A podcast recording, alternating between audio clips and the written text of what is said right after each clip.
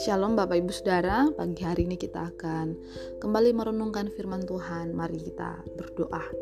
Bapak terima kasih buat kebaikanmu sepanjang malam. Pagi ini kami boleh bangun dengan tubuh sehat kuat. Semua karena pertolongan Tuhan dan pagi ini kami akan merenungkan firman-Mu. Berkati kami sehingga kami bisa mengerti dan memahami apa yang menjadi isi hati Tuhan melalui firman Tuhan pada pagi hari ini. Dalam nama Tuhan Yesus Kristus kami berdoa.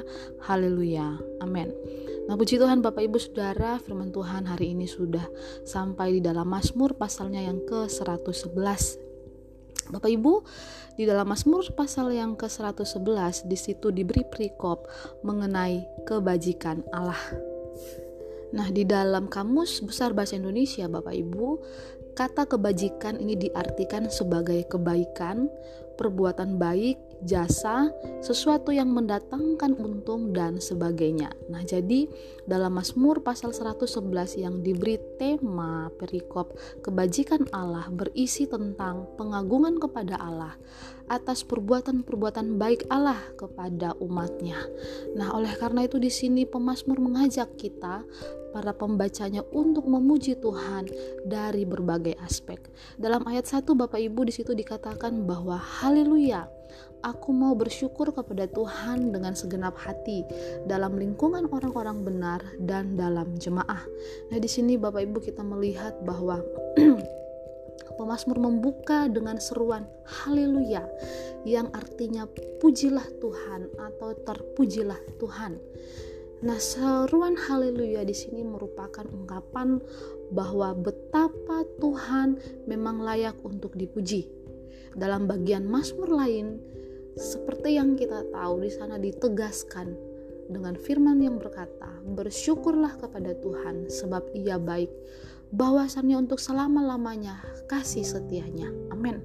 Nah, Bapak Ibu Saudara, Allah kita adalah Allah yang senantiasa memberkati kita secara jasmani dan rohani. Bahkan pemeliharaannya nyata atas semua orang yang mengasihi Dia. Dalam ayat satu ini kita melihat bahwa pemazmur telah bertekad untuk tidak hanya secara pribadi memuji Allah tetapi juga di dalam jemaah. Jadi Bapak Ibu adalah Alkitabiah kalau saya dan Bapak Ibu Saudara untuk memuji Allah secara spontan dan nyaring di dalam gereja. Nah, kita lihat dalam ayat 1 dikatakan tadi, aku mau bersyukur kepada Tuhan dengan segenap hati.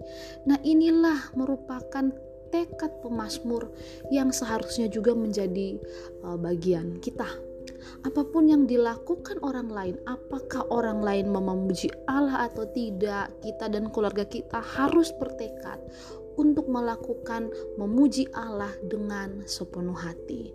Jadi pujilah Tuhan baik secara pribadi maupun di hadapan umum, dalam perkumpulan yang lebih kecil maupun yang lebih besar, di dalam keluarga kita sendiri maupun di pelataran rumah Tuhan. Kemudian ayat yang kedua dan tiga di sana dikatakan besar perbuatan-perbuatan Tuhan, layak diselidiki oleh semua orang yang menyukainya. Agung dan bersemarak pekerjaannya, dan keadilannya tetap untuk selamanya. Nah, Bapak Ibu Saudara, sungguh besar perbuatan-perbuatan dan pekerjaan Tuhan dalam hidup kita, sehingga Tuhan layak menerima segala pujian kita. Nah, kalau kita merenungkan perbuatan Tuhan, akan banyak hal kemudian yang menyentak hati kita dan mengingatkan kita bahwa benar rupanya Tuhan telah banyak menolong saya. Benar bahwa Tuhan itu selalu menyediakan pertolongan tepat pada waktunya. Nah, Bapak Ibu Saudara yang dikasih Tuhan, minggu lalu saya berjumpa dengan seorang ibu dan kami kemudian ngobrol-ngobrol sebentar. Ibu ini kemudian berkata, Bagaimana saya mau bersaksi ya tentang kebaikan Tuhan? Saya sendiri belum lihat kebaikan Tuhan itu. Di rumah saya ada saja masalah. Masalahnya itu-itu terus. Setiap hari selalu saja berantem dengan suami oleh karena kondisi ekonomi yang semakin sulit semenjak pandemik. Nah, dia juga kemudian sudah terbesit saudara-saudara untuk mengambil jalan pintas untuk lari dari masalah. Namun kemudian dia kembali mengingat saudara-saudara memikirkan anak-anaknya yang masih kecil sehingga uh, dia mengurungkan niatnya untuk mengambil jalan pintas saudara-saudara. Nah, sehingga dia berkata seperti ini, saya belum melihat kebaikan Tuhan. Gak ada uang, biaya sekolah anak-anak masih ada yang nunggak. Jadi apa yang bisa saya saksikan? Nah, saudara-saudara yang dikasih oleh Tuhan kadangkala kita mengukur kebaikan Tuhan itu dengan materi. Kalau belum banyak uang, usaha gagal, uh, lalu apa yang kita harapkan tidak tercapai, nah kita menganggap bahwa itu semua bukan kebaikan Tuhan. Nah, kemudian dalam obrolan itu saudara-saudara, saya kemudian menjelaskan kepada ibu itu bahwa kadangkala ada hal-hal yang kita anggap biasa sehingga kita abaikan dan itu adalah hal yang bahwa itu adalah hal yang wajar. Nah, saya kemudian mengingatkan kepada ibu itu, ibu bisa bangun, bisa bernafas, berjalan, makan tiga kali sehari, datang ibadah, itu semua sudah bentuk kebaikan Tuhan. Ibu bisa kuat, mampu bahkan bertahan melewati masalah ibu selama masa pandemik sampai saat ini. Itu juga kebaikan Tuhan. Anak-anak ibu sehat, bisa sekolah, dapat nilai 100, itu semua kebaikan Tuhan. Nah, jadi saudara-saudara, kadangkala pemikiran kita tentang kebaikan Tuhan terlalu kita melihat dengan kacamata jasmani kita. Makanya pemazmur berkata, bahwa layak diselidiki perbuatan-perbuatan Tuhan kita. Kita tidak bisa memakai kacamata jasmani untuk mengukur kebaikan, mengukur keadilan dan pekerjaan Tuhan dalam hidup kita. Kita butuh kacamata rohani untuk kita bisa melihat sisi lain bahwa Allah sungguh peduli di dalam setiap kehidupan kita. Nah, ada sebuah contoh kasus dan ini seperti ilustrasi Bapak Ibu Saudara.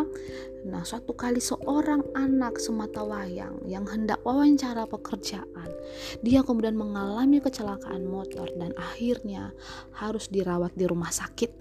Kemudian sang ayah bersaksi dengan wajah bersedih Kemudian dia berkata bahwa dia sangat bersedih oleh karena anak semata wayangnya harus kecelakaan dan harus opname yang pada akhirnya membuat dia gagal wawancara di sebuah perusahaan besar yang diharapkan bukan hanya oleh anak itu, tetapi yang diharapkan juga oleh ayahnya.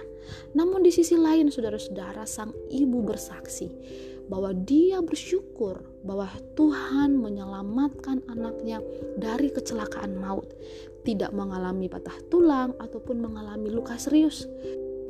Dan dia percaya bahwa anaknya itu masih ada kesempatan untuk melamar kerja di tempat lain yang tentunya yang lebih baik.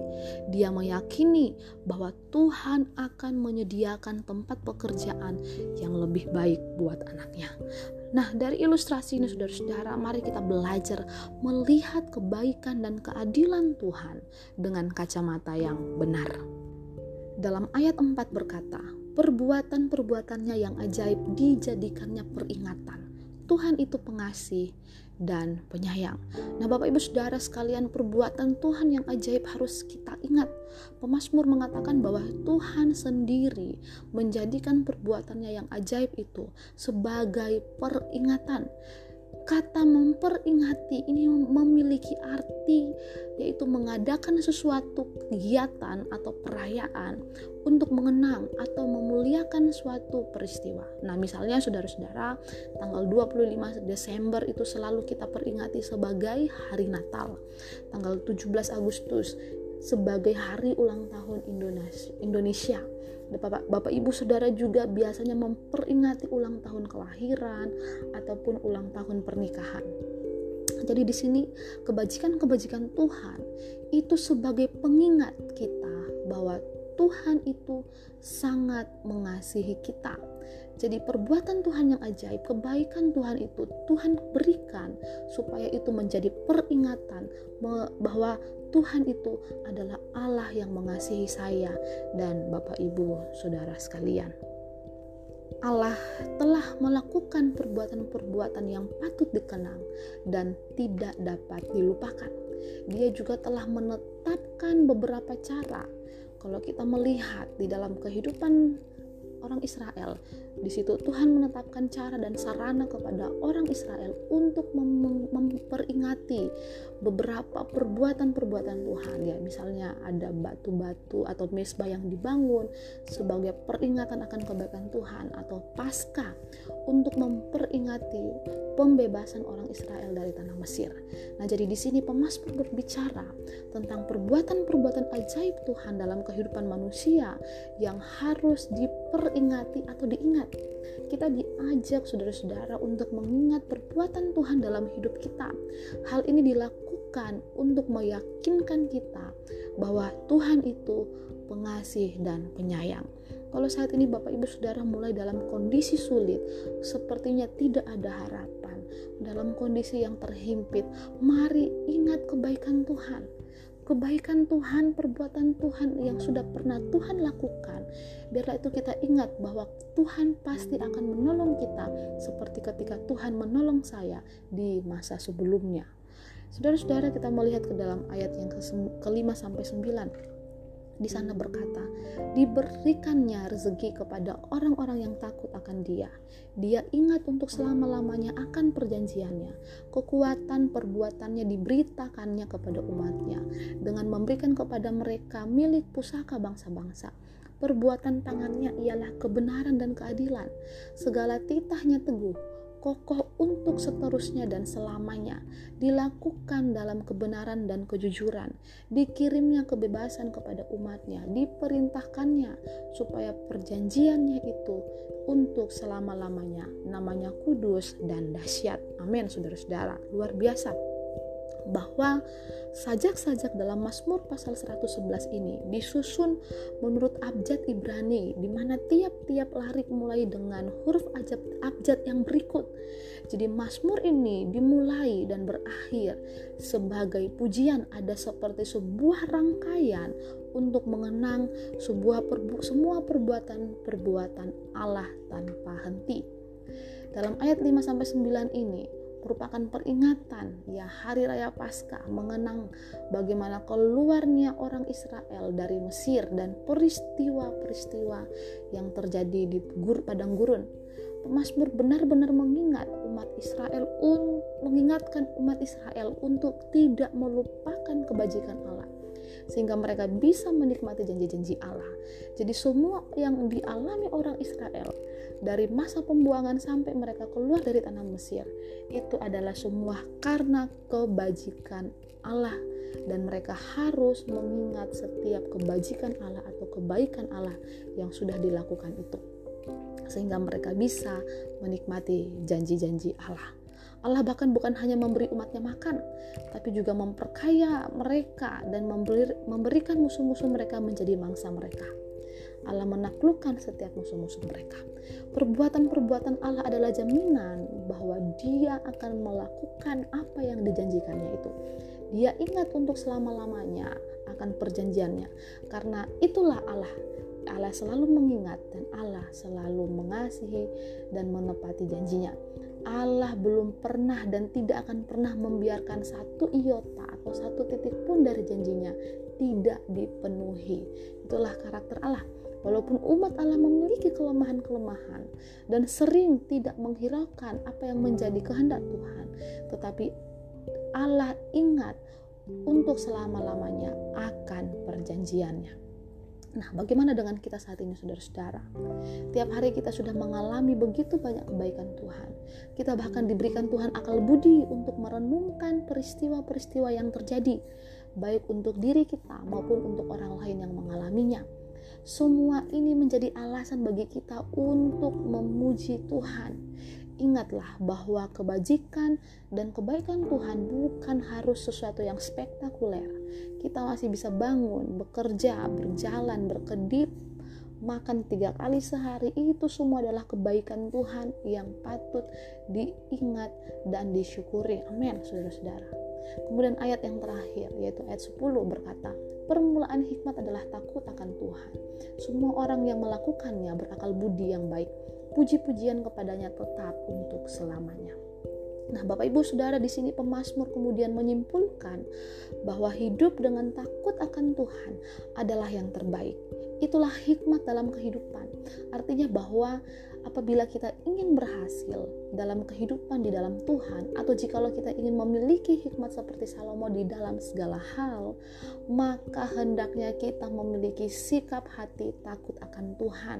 Jadi jadi saudara-saudara kita tidak akan pernah bisa mulai bijaksana sampai kita mulai dengan sikap takut akan Allah. Jadi dalam Mazmur bacaan kita pagi ini telah dijabarkan bahwa sebagai orang percaya kita harus memuji Tuhan setiap waktu. Selidikilah segala pekerjaan Tuhan yang mencengangkan itu, yang mengagumkan itu, saudara-saudara, sehingga mendatangkan sikap takut akan Tuhan serta kerinduan dalam diri kita, ada dorongan untuk melakukan firman Tuhan. Dan lihatlah betapa Tuhan adalah maha pengasih dan penyayang dan siap mencurahkan berkatnya dan pemeliharaannya bagi orang-orang yang mengasihi dia. Puji Tuhan.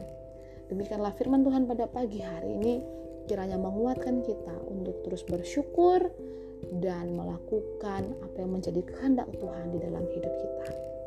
Shalom. Mari kita berdoa Bapak Ibu.